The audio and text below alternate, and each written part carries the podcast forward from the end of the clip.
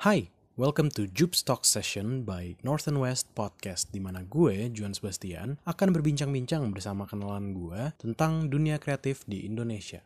Sesi ini akan menjadi sebuah sarana untuk bertukar sudut pandang antara orang awam dengan praktisi kreatif ataupun bahkan antar sesama praktisi kreatif. Semoga kalian yang mendengarkan bisa mendapatkan satu atau dua hal yang bisa dipelajari dari sesi ini. Enjoy!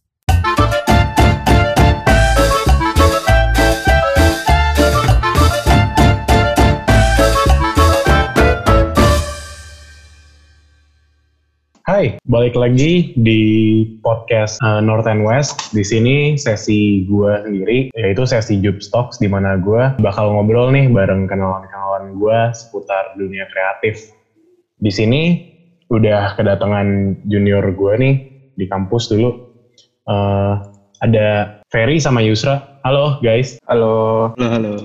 Pertanyaan pertama nih buat Yusra nih, kenapa lu dalam mobil ya kebetulan nih? Biar kedap udara sih. Eh, kedap udara, kedap suara sih. Kenapa Ya, kedap suara. meninggal beradu? Iya, meninggal. Jadi pepes. iya, iya. Ada gue grogi nih. Woi, slow aja, tenang, tenang. Soalnya biasanya gue yang nanyain orang podcast. Sekarang Oh. gue yang di podcast. Siap. Oh iya, satu lagi. Eh, selamat ulang tahun buat Ferry. Semoga panjang itunya, umurnya Apanya? maksudnya. thank you, thank you. Oke, coba nih kenalan apa? Kenalin diri dulu dong. Yang ulang tahun dulu. Eh, boleh, boleh. Boleh kenalin nama gue Ferry. Gue mahasiswa desain, peminatannya periklanan. Sekarang gue lagi magang di salah satu agensi di Jakarta. Namanya itu Hood Hood, anak peranakan dari vlog company sebagai junior copywriter. Wih, mantap. Oke, Yusra gimana? Kalau gue juga basicnya sama lah kayak Ferry. Gue mahasiswa desain, peminatan advertising. Gue sekarang lagi magang di digital marketing agency di daerah Kuningan namanya Arvadia. Gue di bagian eh, kreatif design. Alright, alright. Udah, udah, udah berapa lama sih magangnya? Kebetulan kalau gue ya, kalau gue sendiri gue eh, kebetulan banget di hari Mhm. ini tuh hari terakhir gue magang sih di Arvadia itu. Oh, anjay. Ah, Eh, eh, congrats, congrats. Biasa sih Oh iya, kalau gitu. kalau magang gitu biasanya hari-hari terakhir suka ada tipsy gitu nggak sih? Tapi sayang banget nih lagi PSBB, nih kayaknya. PSBB pak, PSBB. ya, Wah, Selebrasi di rumah kita pak. Iya. dikirimin. Kan lu pada nih sebagai yang baru ya istilahnya terjun lah ya gitu ke industri kreatif nih. Mm-mm. Hmm. Kalian tuh kayak ini nggak sih culture shock gitu nggak sih kayak dari mahasiswa nih terus tiba-tiba jadi anak magang gitu. Kalian tuh merasa kayak penyesuaiannya susah atau enggak gitu atau kayak ya sama aja gitu di kampus sama ini. Kalau gue pribadi sih karena udah pernah coba kerja di bidang kreatif itu pas di semester 4 gitu jadi kayak nggak terlalu kaget sih. Cuma Mhm. memang tiap perbedaan tuh pasti ada lah. Kayak di kampus tuh kayak kita kerjanya tuh ya semua kita. Kalau di agensi kan enggak. Kita kayak ada tuntutan lebih gitu sih. Kayak mencoba hal yang di luar zona nyaman pasti kaget. Mhm. Oke, lu, Kalau lu lu Israel. Kalau gue jujur kaget ya, soalnya gue pertama kali, bener-bener pertama kali magang gitu loh. Jadi kayak, Hmm. wah gue nggak tahu nih gue harus ngapain gitu. Ya gimana sih lu kayak, lu udah biasa di zona nyaman lu, tiba-tiba lu kayak ditarik, dimasukin kayak, ibaratnya lu kayak ikan cupang nih, ibaratkan cupang nih. Kan lagi booming nih cupang nih. iya, iya. Banyak lu yang lagi ternak cupang lah. iya. Mau beli gak? Ibarat ibarat waduh ibaratkan lu ini tadinya tuh eh, eh jangan cupang deh jangan pakai cupang deh. Lu, lu. Pangan soliter ya. Pangan soliter dong? Iya. udah lah ibarat ibaratin gue aja nih. Kayak gue udah di zona nyaman. Udah di zona nyaman nih oh, udah temen udah asik dosen udah akrab segala macem. Kayak udah dibimbing lah bener-bener. Kayak ya kita setiap hari tuh pasti dibimbing udah urusan detail gitu suruh buat ini buat ini buat ini. Sedangkan di magang ini lu kayak ditaruh di tempat baru yang lu nggak kenal siapa-siapa terus lu nggak tahu harus ngapain Hmm. Mas, bingung aja jadi kayak ibaratnya nih apa ya ngomongnya insecure nggak sih Bukan. Insecure. Bisa jadi tapi men. Enggak. Bisa jadi kan ya? Bisa jadi. Kayak gitu sih. Jadi kayak bingung sendiri gitu. apa yang harus gue kerjain gitu. Terus masih ada kayak rasa takut gitu loh. Anxious kali gitu ya. takut salah gini-gitu. Iya. Iya kayak gitu. Hmm. Kayak aduh gue pengen ngelakuin apa jadi bingung gitu kayak bener-bener mental lu kayak dipres bener-bener dipres gitu. Oh iya iya. Capek sih pasti ya. Iya capek. Hmm. Apalagi hari-hari pertama tuh Yos ya. Iya. Masuk Gak pelan jelas mau ngomong. ngapain. Iya, pelangap dong. Ngomongnya masih aku kamu. Iya, aku kamu. Iya, sampai sekarang loh gue. Kak, aku. Iya, kak aku. Aduh, bukan gue. Aduh, gak gue banget. Tapi berarti ini ya, apa? Udah kan lu udah kelar nih, Isra. Hmm, Kesan lu terakhir waktu ini gimana? Kayak sedih gitu gak sih? Atau kayak sedih. Kayak gimana ya? Nggak begitu sedih sih. Hmm. Kayak ya udah, udah gue udah kelar magang nih. Kayak tapi di situ gue kayak ngerasa bener-bener ada proses gitu. Nah jadi kayak perkembangan gue dari awal pertama kali magang sampai akhir tuh berasa banget kayak gue lebih ibaratnya apa ya gue di, kayak jadi dituntut lu punya ibaratnya apa ya? Priori, prioritas. Kayak Hmm. lu jadi di tempat magang itu kayak gue belajar kayak ada prioritas yang eh harusnya gue utamain. Jadi gue tahu mana yang pri- prioritas harus dikerjain duluan mana yang enggak gitu loh. Hmm. jadi lebih tertata gitu eh, ker- eh, kehidupan gue dalam bekerja gitu. Jadi gue kayak eh, soalnya juga kan dibimbing sama senior gitu. Lu harus punya to do list. Jadi lu segala macam tuh harus buat to do list itu Hmm. di mana yang itu gue nggak dapetin di kampus sih Oke. Jadi eh lu berdua kan punya jabatan yang berbeda nih. Gue mau tahu dong, job desk lu di posisi lu tuh apa sih gitu, mesti ngapain gitu. Kan kayak yang lu pada bilang nih, oh awal-awal gue pelangap longo anjir. Tapi setelah udah melewati kan lu udah tahu kan mulai mulai mulai ngerti nih gue mesti ngapain aja, gue mesti ngapain. hmm. Itu job desk lu pada ngapain aja gitu. Lu dulu Fer, Oh, iya. lu kan kopi nih, siapa tahu nanti Oke. apa kalau kopi ya dulu ada cerita lucunya tuh. Ada tuh anak kampus kita eh, magang jadi copywriter. Terus ini kan tapi deh kayak nggak dapet kerjaan gitu. And Ah. then suatu hari seniornya bilang eh bantuin gue bikin kopi sini gitu. Terus dia seneng dong. Wah anjir akhirnya my time to shine gitu iya, nah iya. Oke, oke kak gitu sini saya bantuin. Terus pas ini tahu-taunya ke pantry suruh ngadukin kopi kasih. Nah, ya nggak tahu kan itu kan pengalaman kopi aja Iya, pengalaman magang orang kan Oh. beda-beda. Kalau lu gimana Iya. nih sebagai junior? Gue sendiri, eh gue se untungnya sebelum gue mulai kerja, gue disuruh kantornya dulu kan. Gue Hmm. jelasin dulu nih, job desk gue tuh ini, ini, ini. Contohnya kayak bikin vid, eh, radio ad scriptnya gimana, eh, terus bikin video ads scriptnya tuh gimana. Lebih ke script sih sebenarnya gue. Terus eh, untungnya di hari pertama gue tuh kayak langsung di kasih tahu gitu, kamu kerjain ini ya, bikinin script. Ada gitulah bahan cowok, bahan cowok. Apaan? Tuh kan. Udah semen-semen gitu. Oh, Terus eh, bikin deh eh, film skripnya, skrip pendeknya gimana. Terus baru eh, overall sih sampai sekarang masih kerjaan gue kopi sih. hmm. Benar-benar kopi banget kayak cari-cari tulisan. Referensi pun dikasih referensi yang kayak banyak tulisan gitu.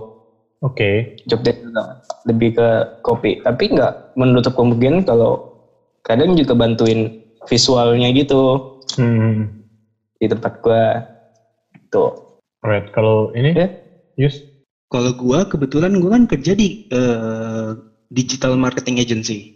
Jadi eh, dia itu gimana ya? Ibaratkan ya. eh gua lebih ke gua sama sekali nggak nyentuh unsur-unsur desainnya sih. Oh ya? Lebih ke strategik gitu. Soalnya kalau di tempat gua itu sebenarnya kan itu untuk eh, kebanyakan itu anak-anak yang magang itu IT. Hmm. Jadi gue desain itu kayak cuman pemanis doang gitu. Jadi gue lebih banyak ngerjain kerjaan IT gitu loh. Oh, Jadi gue lebih banyak ngambil strategiknya. Di mana tuh paling unsur-unsur desain kayak gue nge-layout kan gue jadi eh, tempat gue itu gue kerja di bidang digital mar- digital marketing yang berhubungan sama SEO. Kalau lu tahu SEO lu tahu nggak? Eh, search engine optimizer ya? Eh, iya. op- Nah Iya. itu jadi eh, si SEO ini sistemnya itu lu eh, bikin eh, situs si klien ini jadi eh, top nomor satu gitu di Google Search gitu. Jadi kayak gimana ngomongnya? Eh, jadi lu nge-optimize eh, si website si klien ini supaya banyak dilihat sama orang, bisa digapai sama orang gitu lah. Jadi kalau gue kan bilangnya di jadi nomor satu Google gitu ada crawling cara nge-crawling supaya dia masuk satu Google itu lu itu banyak kayak bikin artikel pokoknya banyak bikin review tentang si website itu Hmm. di mana dari itu lu ngebuat banyak backlink kalau lu tahu backlink itu jadi kayak apa ya URL gitulah yang disebar-sebar tuh ke berbagai macam platform gitu supaya oh, jadi nge-track orang ke si situs si klien ini Hmm. jadi semakin banyak orang yang ngelihat situs-situs, jadi Google itu nge-crawling si website ini supaya naik ke atas. Nah, caranya salah satunya adalah dengan membuat artikel. Jadi gue itu kerjaan gue tuh sebenarnya cuma nge-layout artikel doang, tapi pakai eh apa sih namanya? Ilustrator. Apa tuh? Bukan, Di- dia pakai Software ini ya, software programming gitu ya? iya software programming gitu, bikin pakai apa sih? Anjir. WordPress gitu-gitu gue nggak ngerti. Bisa lu gue tinggal bisa gue cuma ngambil artikel gue lihat gue edit edit. Gue jatuh juga kayak copy juga sih setengah copy Hmm. gitu. Gue ambil gue lihat gue layout. Banyak gue pakai yang gue pakai tuh kalau di elemen desain tuh banyak prinsip-prinsip eh, tipografi sih kayak legibility-nya gitu-gitu. Kan ada H1 H2 Hmm. gitu. Headline headline-nya gitu gue buat. Nah gue paling banyak strategi di situ ngambil strategi-strategi supaya tuh artikel bisa enak dibaca sama orang, terus orang Hmm. mau ngebaca tertarik sama artikel gua, eh, strategi taro taro hal-hal pentingnya gitu headline headline-nya gitu. Sama gua ngedesain paling cuman banner doang sih, banner Hmm. artikel gitu kayak Web banner gitu ya? ya web bannernya Oh, gitu yang oke, gua oke. desain desain gitu. Nah, Oh itu. kedengerannya kan ini ya, kayak ya gue sih kalau kopi gue masih ada ini dikit-dikit lah gitu. Tapi kalau lu nih kayak agak ini ya, Beda banget. bukan, iya beda sih. Terus tapi kayak ribet gitu gak sih? Gue sih pusing loh. Tapi lu ya namanya kerja gitu ya mau nggak mau kan mesti Hmm. lakuin kan. Tapi ini lu sebagai anak Jakarta Timur nih, gimana nih lu ngejagel lifestyle-nya nih gitu kayak kayak lu kerja nongkrong atau gimana kan ya namanya juga anak intern pasti sebenarnya masih ada waktu sih tapi kan dengan job desk lu yang seperti itu apalagi kalian bareng-bareng sama tugas akhir kan gitu lu Iya iya betul. gimana lifestyle lu setelah setelah apa magang dan TA ini lu juga nih Ferry nih anak Jakarta Utara tuh udah udah udah ke ujung tuh utara ke selatan. Iya. gimana Utara gitu? timur kan kental kental banget tuh sama tongkrongan tuh. Nah, makanya Iya. gimana sih lifestyle lu setelah magang ini gitu loh?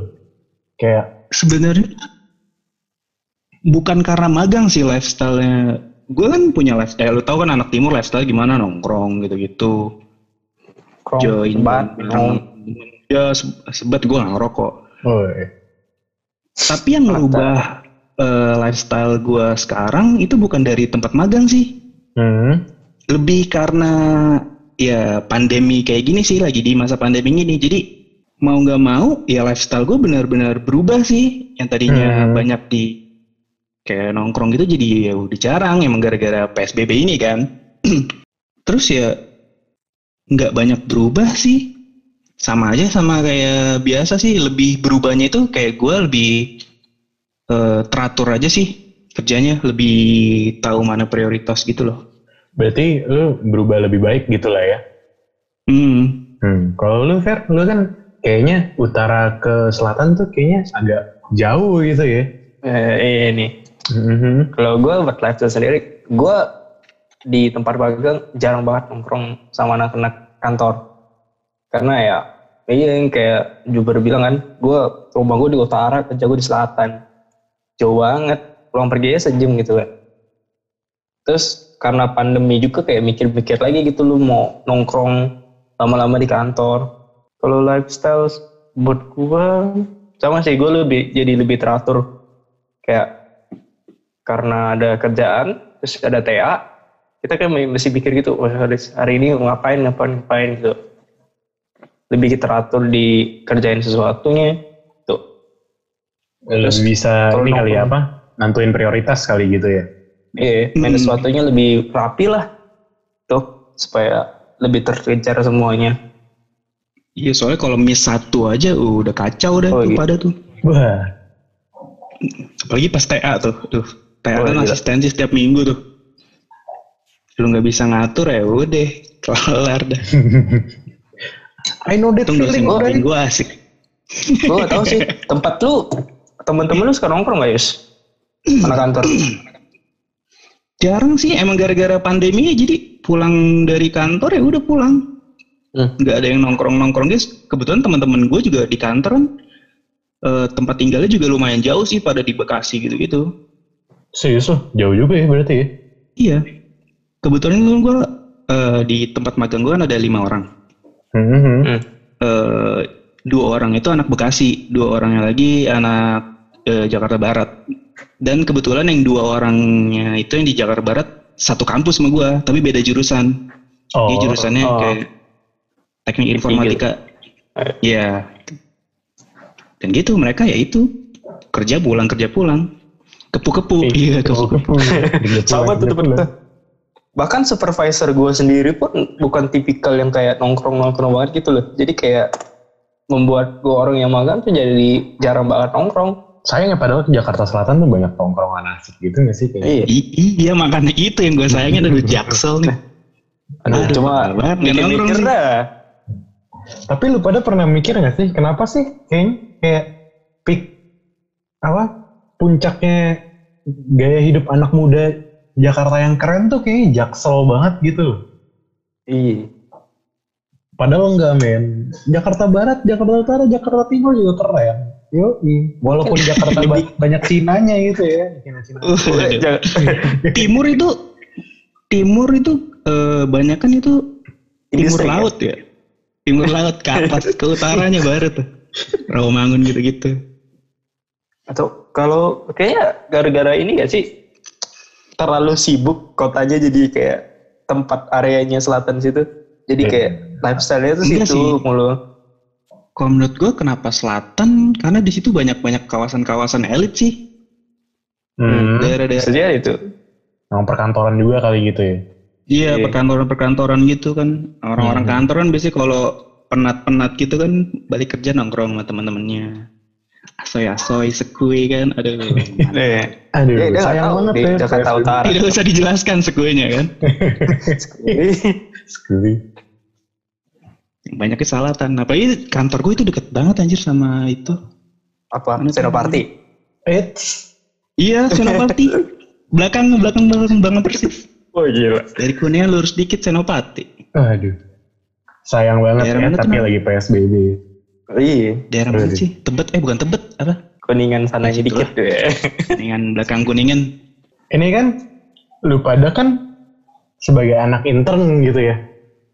Hmm. Banyak banget nih kayaknya stereotip bagi anak intern gitu. Ah, lu jadi intern mah cuma jadi babu doang lah, gini-gini lo. Anak Iya. intern mah ya apa kayak under, underwork overpaid gitu loh. Lu, menurut lu Hmm. bener gak sih stereotip itu kayak atau mungkin ada stereotip lain atau atau lu mau bantah stereotip itu juga gimana sih gitu? Apakah itu betul? gitu? Ferry, silakan Ferry. Eh, kalau gua kayaknya eh pandangan kayak gitu kayak masih dihapus deh buat anak-anak yang mau magang ke depannya. Jadi kayak buat mereka ngedon duluan gitu loh. Karena untung nggak tahu untungnya atau emang kayak gini, gue di intern merasa di welcome sangat sangat di welcome itu loh. Bahkan ide-ide gue sendiri pun kadang dipakai buat misalnya pitching atau apa itu Hmm. kayak jangan merasa kan itu lah kayak kita istilah kasarnya jadi babu enggak kok anak intern tuh eh, mereka perlu masuk perlu anak intern tuh berarti perlu regenerasi sih Hmm. buat di company-nya mereka tuh Tergantung pasti dikasih banyak juga gak sih? Tapi tergantung culture kantor juga gak sih? Uh-uh. Menurutku mungkin itu karena uh, gue di tempat gue kuliah kating-katingnya ada sebagian ada yang di istilahnya dibabuin, ada yang di benar dikasih ajarin gitu. Jadi Hmm. nggak bisa dibedain secara itu sih. Benar-benar tergantung kantornya sendiri. Oke, oke. Kalau lu, Yus? Waduh, gue kayaknya kebalikannya Ferry nih. Nah, makanya tadi kata gue ya. Itu tergantung culture kantor seperti Iya, ke- tergantung sih. Nggak, sel- nggak selamanya lu dapet tempat yang pertama kali kayak kesan pertama lu bagus, oke, atau lu bakal dapet yang kayak gue nih. Gue jujur sih gue nggak begitu gimana ya, nggak begitu kayak dibabuin. tapi Tapi mereka kayak kurang kurang ngerangkul. gitu. menghargain gue aja. Bukan kayak kurang ngerti tentang jurusan yang gue ambil gitu. Kan soalnya Hmm. mereka kan basicnya bukan art, bukan desain. Hmm. Mereka basicnya marketing. Jadi itu mereka nggak ngerti desain itu seperti apa. Eh, terus eh, gimana cara buatnya gitu-gitu sih. Lebih ke situ. Jadi kayak jujur mereka tuh kayak eh, minta desain kayak seenak jidat gitu nggak sih? Karena mereka nggak tahu Oke. gitu. Jadi terga- terkadang pun gue juga udah buat bagus-bagus. Mereka nggak nggak kayak kurang gue itu lebih ke klien sih. Soalnya gue kan aksesnya langsung ke klien gitu Iya ya. kayak eh, tantangannya sih sih kita udah desain bagus untuk klien tapi klien kurang setuju gitu sama desain kita sedangkan pas eh, kita lihat desain yang dimau sama klien itu menurut kita ini desain nggak banget tapi mereka suka ya jadi dengan terpaksa itu kayak dengan tekanan batin Ah. yang bergejolak gitu kayak tidak mau tidak mau tidak mau tidak mau tapi harus dikerjain gitu Betul. Itulah. iya jadi kayak idealis dan realis tuh di situlah kita dipertaruhkan gitu. I- i- itu dia jadi kayak oh jadi ini yang namanya the real eh, dunia kerja gitu kayak Hmm. ini realita gitu loh bukan kayak di kampus gitu loh kayak lu dituntut harus gini-gini ini harus baik soalnya klien bakal gini-gini. Enggak aja di Hmm. luar sana klien yang punya desain bagus eh jelek. Ya lu udah. disuruh buat kayak begitu ya lu harus mau gitu loh. Eh, Yang lu harus bisa ada duit. ego lu. Iya yang Iya, penting duit. Iya benar duit sih. Betul. udah nggak masalah lu mau lu pakai teori ini teori ini teori ini. Kalau klien bilang nih gue mau buat kayak gini nih kayak gini gini. Ya lu harus eh, ikutin dia. Tapi sejauh yang lainnya sih di tempat magang gue sih oke oke aja sih Hmm. suasananya juga oke teman-temannya juga oke ya itu itu tadi aja kayak mereka kurang paham tentang gue sebagai anak desain. Hmm. jadi mereka mikirnya ya udah gue kayak anak IT gitu kayak anak Nah. marketing itu harus bisa gini gini gini gitu sih. Nah inilah kenapa makanya gue bikin podcast ini gitu loh karena banyak banget orang awam yang belum kenal gitu loh kayak dunia kreatif tuh kayak gimana sih sebenarnya gitu gitu makanya di Hmm. sini gue ngajak bincang-bincang dari yang mungkin posisinya belum ini belum masuk dunia kreatif industri kreatif sampai yang mungkin udah pengalaman banget ya untuk berbagi sudut pandang aja gitu loh dari mereka ke ya mungkin bagi sesama praktisi atau mungkin ke orang awam bisa juga. Kan kalian udah ini nih, udah mencicipi nih eh, bekerja di ini industri kreatif nih. Gue mau tahu dong kegagalan atau kesalahan terparah yang pernah kalian bikin di kantor tuh apa sih? Biasanya kan anak magang kan dulu. kesalahannya konyol-konyol kan. Oh. Kayak kalau konyol menurutku belum sih ya. Karena gue sendiri baru berapa hari ya megang. Baru OTW dua bulan. Hmm. Betul. Tapi penyesalan pasti ada gitu. Contoh ya, kita eh, kasih, misalnya supervisor kasih satu kerjaan. Eh kerjaan ini ya, sebagai anak intern tuh kita kayak antara males atau gimana, ya kerjain seadanya aja. Gitu loh. Terus gue mikir, wah gila nggak bisa kayak gini nih. Kalau kayak gini terus susah sih kalau kita mau istilahnya mau lanjut di tempat itu gitu kan. Atau kita mau bikin portofolio yang benar-benar mendukung kita untuk kerja nanti. Jadi penyesalan gue sih lebih ke kinerja gue sendiri malah. Oke oke. Kalau lu Yus? Aduh, gue banyak banget nih kayaknya nih. Wede. satu lah yang paling Beberapa, parah. beberapa ya. yang beberapa. Yang pertama paling parah, gue pertama kali magang. Hmm. Eh, gue ACC ACC design ke atasan gue di mana atasan gue atasan gue ini eh, basicnya bukan desain. Hmm. Sebenarnya bukan masalah di desain sih, tapi masalah cara gue asistensi. Gue gak ngerti kalau lu bikin eh, desain Hmm. terus lu kirim email tuh terus ada kasih uh, subjek gitu-gitu terus kasih Eh. salam gitu. gue nggak pakai itu terus eh, atasan gue bingung lah ini anak gue dimarahin di grup kan di dikasih screenshot itu dari senior gue kan Serius lu? ke iya bilang Uh, ya. kamu Tuh. Justru kamu ini ng- ng- ngasih ACC desain kagak pakai apa-apa gitu udah cuma kasih gambar doang terus gue bilang sama kakaknya Iya kan saya nggak ngerti gitu. ya iya dong gue nggak ngerti dong. Akhirnya Iya, si kakaknya juga bilang, oh iya iya bu iya, iya benar juga. Tapi lain kali kamu tanya ya, nah itu yang eh, pelajaran buat gue. Lu tuh anak intern, lu apa-apa tuh harus tanya, jangan langsung ngelakuin eksekusi langsung gitu sih. Jadi ya kayak gue gini, gue dimarahin habis-habisan anjir. Harus proaktif terus- lah ya jadi anak intern lah. ya. Iya, lu harus lu harus Ah. aktif. Mungkin gue tambahin punya Yusra ya buat Hmm. kayak nanya gitu ya. Menurutku sendiri, benar sih yang kata Yusra bilang itu. Kita tuh mesti Hmm, eh, aktif gitu. Karena pas awal gua yang ditanya-tanya sama supervisor gua sendiri, dia tuh eh, karena kesibukan masing-masing, jadi kadang anak intern tuh dilupain secara nggak langsung. Hmm. Jadi mau nggak mau kita anak intern terus harus keep up sendiri. Tanya ini, misalnya tanya ke kan di situ pasti ada senior kita yang mungkin nggak megang kita tapi satu jalan sama kita kan. Hmm. Bisa tanya, ya, kak mau nanya dong ada kerjaan apa yang bisa dibantu gitu loh.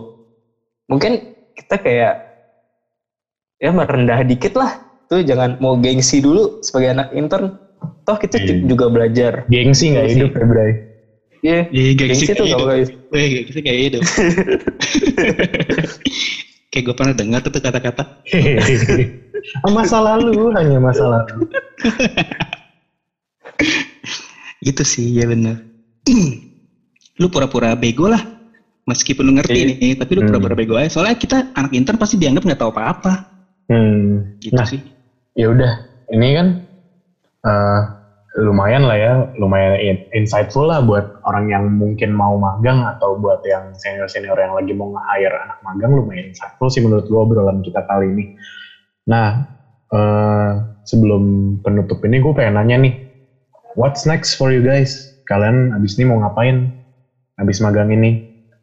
Mau eh, fokus TA kah? Atau mungkin fokus eh, nyari-nyari tempat lain juga kah sambil TA? Atau mungkin mau coba cari profesi lain gitu? Jadi ternak cupang gitu? Bisa mungkin? Oh, breeder. Breeder ya mungkin. Breeder. Gimana? eh, gue udah, gue udah breeder cupang. Oh iya mantap. Iya. Nih, kalau mau beli bisa nanti kontak Yusra. Gimana? Yusra dulu dong. Iya, udah selesai no. Ya udah deh gue deh. Kalau gue sih setelah magang ini kan ini udah hari terakhir gue magang di situ kan ya. Eh gue eh untuk ke depannya setelah ini nih besok gue udah langsung fokus ke TA sih udah gue langsung fokus banget. Meskipun gue juga eh, sempat ditawarin lagi sih eh, magang di agensi lain dan ini bukan di agensi sama jadi lebih ini benar-benar ag- agen- agensi desain gitu yang ngontak gue untuk eh, di diminta gue untuk intern di tempatnya dia sih Oh. join tapi gue masih bingung masih ragu sih soalnya gue takut keteteran gitu ntar TA jadi untuk sekarang sih gue pengen fokus ke TA dulu sih setelah Oke. TA paling gue juga baru cari magang-magang lain buat pengalaman kerja ntar kan kalau interview gitu gitu kan butuh pengalaman tuh Alright. itu sih Nah kalau lu Fer? Kalau gua gas terus lah. Gas. Gas terus. Boleh, boleh, boleh. Pantang, Gas terus. pantang mundur ya. iya. Siap, siap. Gas. semoga semoga nggak keteteran nih sebaik-baiknya. Amin ya Allah. Bisa lah, bisa lah. Bisa gitu. Bisa, bisa, bisa, percaya. bisa. Jadi, eh gue mau minta kalian kasih pesen nih buat anak-anak yang mau mulai magang sama pesan-pesan ke orang-orang yang mungkin lagi mau hire anak magang nih.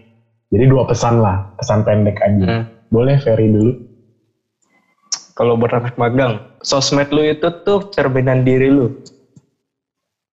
Oke. Terus kalau buat kakak-kakak yang mau hire anak magang, percayalah anak magang tuh bisa. Oke, siap. boleh, boleh. Lu Isra? Kalau gue untuk anak-anak magang ya. Hmm. Ini magangnya untuk apa dulu nih? Yang yang Dari baru mau gitu yang ya? mau ya dari kampus yang mau mau. yang mau Turunin sedikit ego sih. Siap, siap, siap. Gokil. Emang ego tuh. Sumpah kalau sumpah iya iya Iya. benar-benar. Dulu gue di tempat magang itu gue eh, setuju sih. sebar sebar ke tempat-tempat yang lumayan oke Hmm. dan lu kalau magang gini kan dari kampus lu cuma dikasih beberapa minggu doang untuk lu dapet tuh kamp- eh, tempat magang. Hmm. Jadi ya sedikit turunin ego lu lah. Tapi kalau lu nurutin ego lu, ya. Gak dapet Iya. tuh. gak bakal dapet lu. Bener-bener. Lu yang ada Iya, aja dulu lah. Cuman tiga bulan ini doang kan. Hmm. Cuman buat pengalaman gitu tiga bulan kan. Setelah lu selesai dari kampus atau kuliah setelah magang, ya lu mau nurutin ego lu ya silakan gitu. Hmm. Kalau buat ini, buat yang mau uh, apa? Mau Hey. hire, hmm. Hmm, duh banyak banget nih. Udah banyak banget. Satu, aduh. yang paling pengen banget lu omongin nih. Jangan brengsek kayak gue. Eh, jangan. Jangan meli- menilai. jangan meli- men, gue pengen ngomong jangan menilai doang, nah itu bisa. Jangan menilai anak magang cuman dari portofolionya doang. Oke, there's more to them than their portfolio gitu ya. Oke. Dan bimbing benar-benar anak magangnya. Iya, iya. Iya Ada bener-bener. pesan tersembunyi. Jangan disuruh bikin jangan- kopi ini ya. Jangan disuruh bikin kopi. Iya, iya, jangan jangan kopi. bikin kopi. Pokoknya itu yang pertama. eh, jangan lihat anak magang dari cuman dari portofolionya doang. Hmm. Terus yang kedua, bimbing anak magangnya.